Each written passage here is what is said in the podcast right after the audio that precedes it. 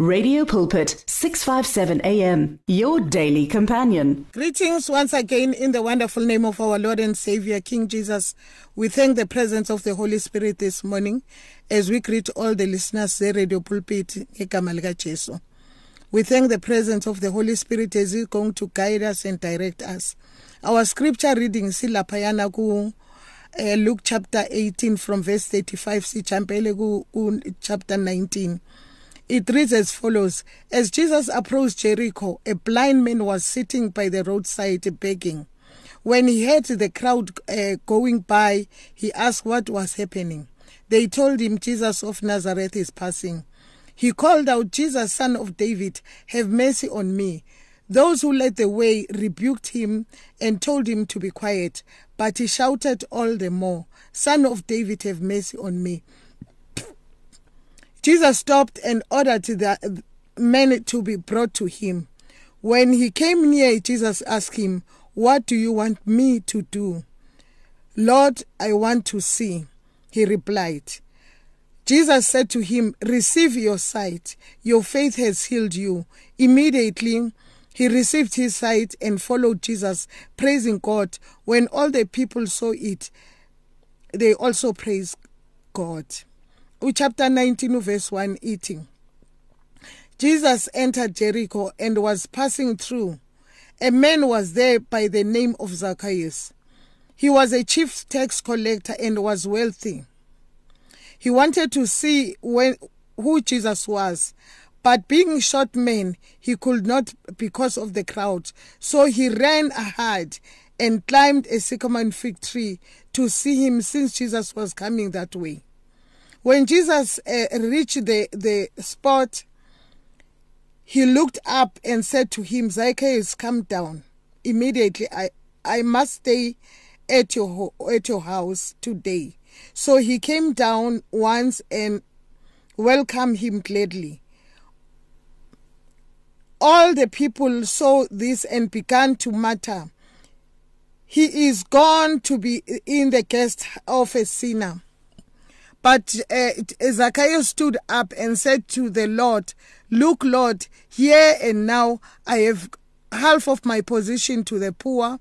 And if I've cheated anyone out of anything, I'll pay back four times the amount. Jesus said to him, Today salvation has come into your house because This man too is the son of Abraham, for the Son of Man came to seek and to save that which was lost.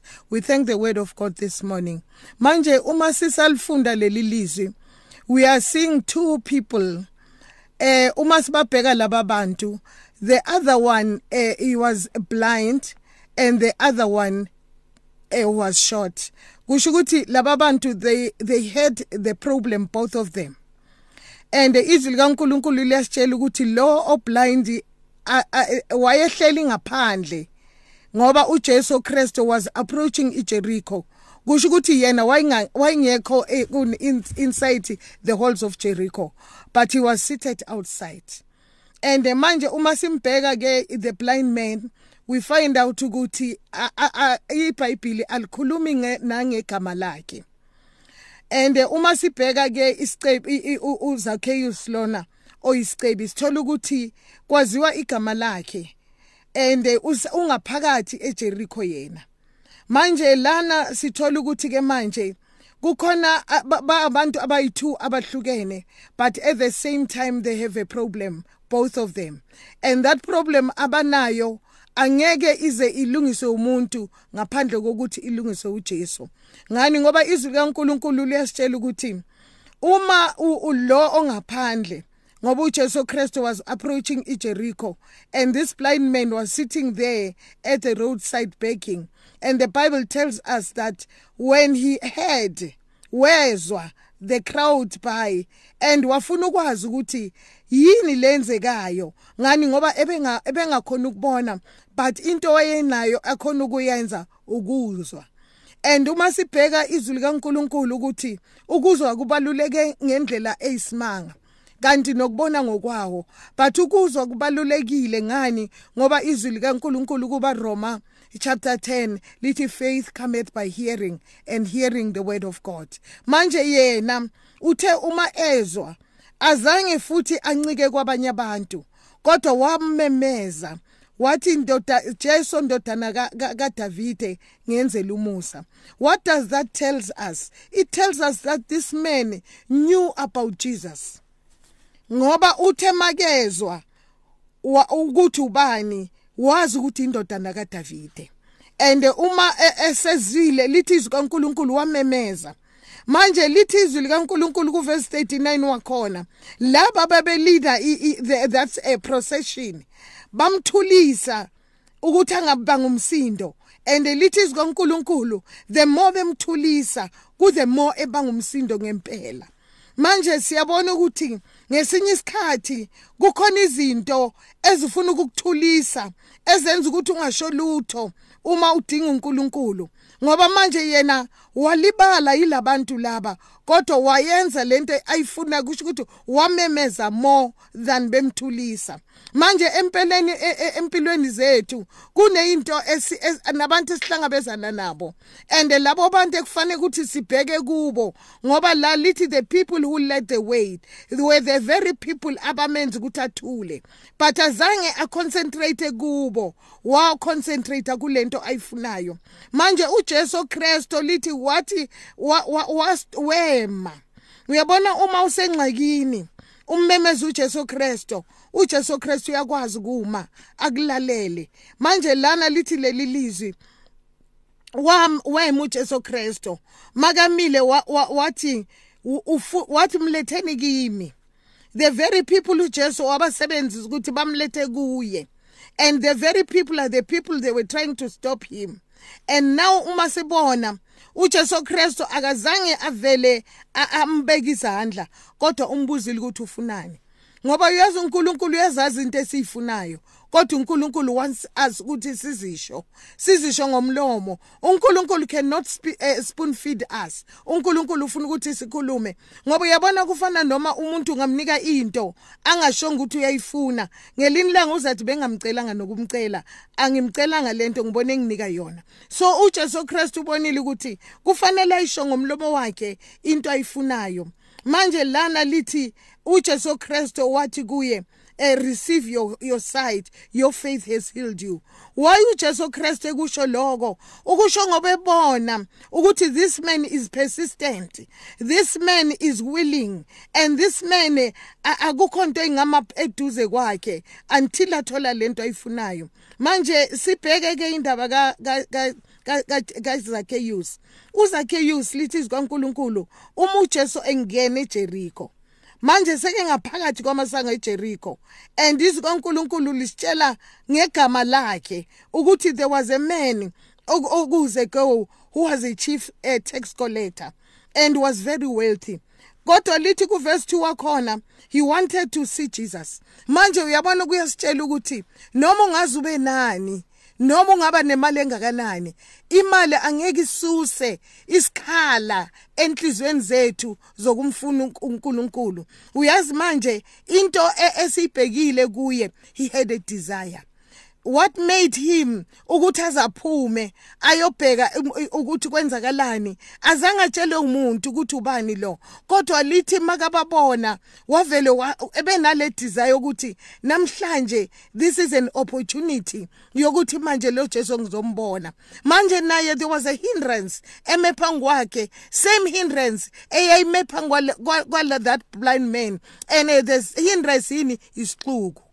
Manje esikhathini esiningi singabantu sinale mob mentality ukuthi into mayenziwa wonke umuntu into eright. Kanti sometimes the mob mentality ingenza ukuthi ungakwazi ukumbona uNkulunkulu. Manje uma sibheke futhi noJesu ekhuluma ngendlela ukhuluma ngendlela encane akhulume ngendlela enkulu athi kudingeka ukuthi sithathe le emqinwa le engahanjwa wonke umuntu. Manje sometimes when you want to stand alone or when you are standing alone you think that you are you are wrong and yet phango uNkulunkulu you are right. You know this verse reminds us laphayana eh, kwincwadi yama kings when ama prophet bebizwa bebizwa unkosi uAhabu lithi izikaNkulunkulu all the 400 prophets they they told uAhabu what he wanted to hear and bemtshela into engekho until waze wathi lento uJehoshaphat kuye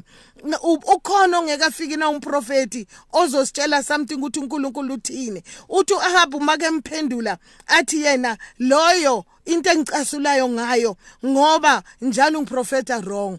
Ngani? Ngoba he was uMikhai was wakuchuza ukuba yedwa kwicrowd. Noma kuza le muntu yomlanda wathi ukhulume njengoba nathi sikhuluma sonke sithe wathi uMikhaya kuye yazini mina ngizokhuluma lento uNkulunkulu ayifunayo not echiwe icrowd manje esikhathini esiningi abantu bayadideka. Kufana noma sometimes ngenza example abantu bayathanda ukuya la kunesixuku khona. Uma ngabe kuyibandla mhlambe elingenabantu abaningi abantu ababi comfortable. Mawibandleni nabantu abaningi abantu bazifuna lapho. Hayi ukuthi ku wrong lokho kodwa sometimes they go there because of the crowd not because they want God. Sometimes they go there ngokuyozifihla ngoba kwi crowd yakhona ukuzifihla kwindawo engasi crowd awukhona ukuzifihla ngoba you'll be exposed nemisebenzi yakho izabe exposed nenkambo yakho izabe exposed. Manje lana siyabona ukuthi ihindrance yabo bonke yini icrowd bane problem A1 and yet abantu mama status ahlukene. Omnye uphuwa ublind negama lakhe laziwa. Omnye urichi eh u short i statue sakhe u short but naye into emhindara yini? I crowd manje yena uma sibona e, ekwenza lokho lithi izikaNkuluNkulu wagibela phezukwe sycamore eh, fig tree. Manje this man knew something ngoba siyathola ukuthi egcineni uJesu Kristu uthi naye umntana kaAbraham. Manje lana uma egibela phezukwe sycamore fig tree we remember ukuthi eh i-fig tree kwa it's a it's a national symbol yakwa Israel and at the same time siyakhumbula ngendaba ye fig tree eh, in the garden of eh, in the garden ukuthi eh bazama ukuzifihla ngamahlamvu efig tree. Manje ifig tree kwaku isihlahla kwaIsrayeli esebaluleke ngendlela emangalisayo. And noma sifunda eh lapha izwi kaNkuluNkulu eh kwincwadi yeDeuteronomy chapter 8 eh uverse 8 wakhona uma uNkulunkulu ethembisa abantwana bakaIsrayeli ngezwe abayisa kulo. Ukhuluma uNkulunkulu uyamenshina ifig tree lapho. Uthi make khuluma lapho uNkulunkulu eh, eh kuDeuteronomy chapter 8 kuverse 8 lithi lelizwi eh a, a land with wheat and barley, vines and fig trees, pomegranate, olive oil and honey. Manje yizinto ezi-essential kwa-Israyeli lezo uNkulunkulu wabathembisa ukuthi ngilise eh, endaweni enjalo. Manje this man uyahamba uyani akagibeli noma yisiphi isihlahla kodwa ugibela esihlahleni azi ukuthi nakanjani uJesu la uzokuma ngoba makafika uJesu Kristu ngempela uyewema ngoba uJesu uyayazi isimboli yalento ukuthi isho ukuthini njengoba sibona nencwadi kaHosea ku chapter 9 ku verse 10 la lithi kaNkuluNkulu when i found Israel it was it was like grapes in the desert. When I saw your fathers, it was like seeing an early fruit of a fig tree. So he knew ukuthi la sikhona when the fig tree is there ngizogibela kuso. Angeke akwazi uJesu kusidlula ngoba sinesimboli yakwaIsrayeli. Manje njengoba ngiphinda leli verse kuHosea chapter 9 verse 10 lithi uNkulunkulu wathi when i found Israel it was grapes in the desert. When I saw your fathers, it was like seeing the early fruit of a fig tree. Manje i-fig tree kwa-Israeli asenye seyihlahla ezibalulekile just like an olive tree. It's one of the trees that ezibalulekile kwa-Israeli. Siyakhumbula ukuthi no no no no Noah ijuba lithumela ukuze babone ukuthi ku dry labuya liphethe eh, ini eh, the the the leaf of an olive.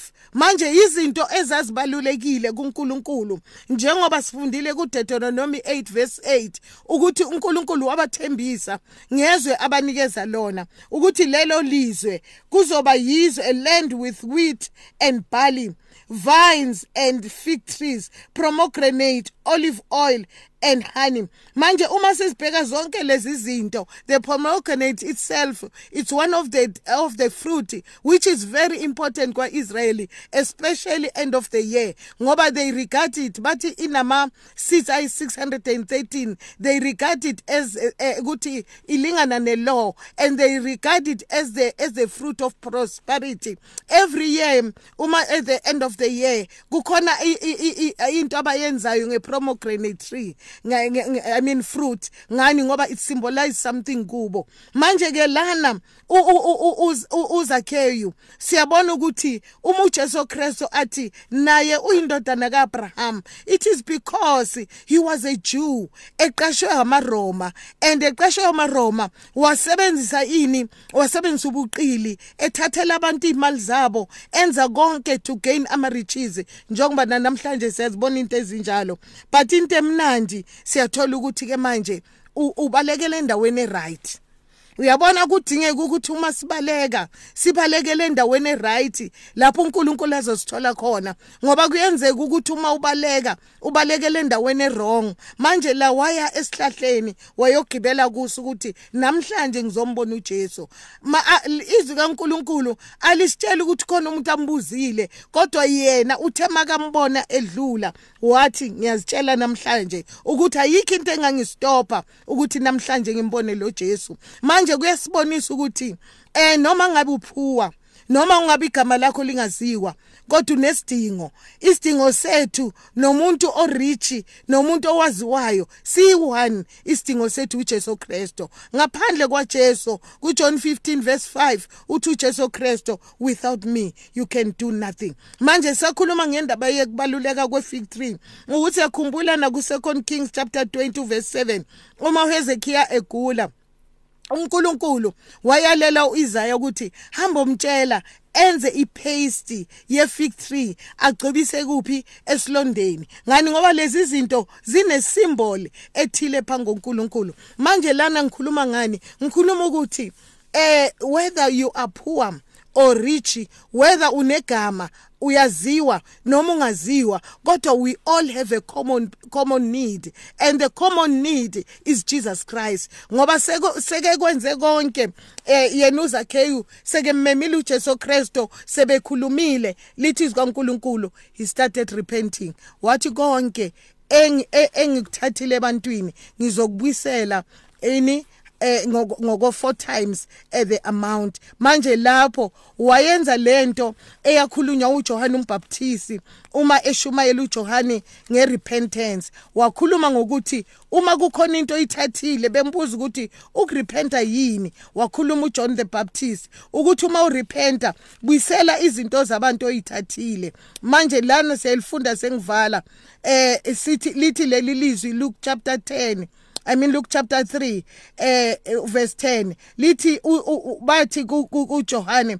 what should we do then? The crowd ask. I crowd yabuza ke manje kuJohn futhi ukuthi uma kusizophenduka kufanele senzeni? Ku verse 11 uthi the man with uh, two tunics should share with whom he has and the one whose foot should do it.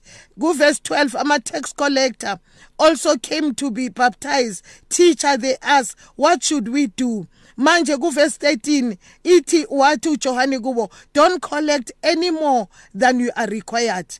He told them manje siyabona ukuthi nalapho izwi likaNkuluNkulu lalibathatha nama tax collectors limthatha wonke umuntu izwi kaNkuluNkulu ngoba beza nabo baphenduka. Kodwa manje lana uZacharias waphenduka uJesu engeka engeka isibhambanweni waphenduka. We thank the word of God this morning ukuthi sonke siyamdinga uNkulunkulu ngaphandle kwakhe noma ngabe ungaba nani but without Jesus we can you can do nothing. Siyambonga uNkulunkulu ekseni this is apostle Gwen in Jesus name amen as easy as the touch of a button the message of life on 657 AM Radio Pulpit understands that praying alone isn't always easy.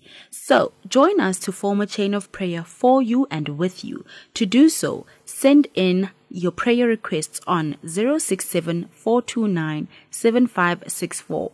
That is 067 429 7564. Or alternatively, email us on prayer at radiopulpit.co.za.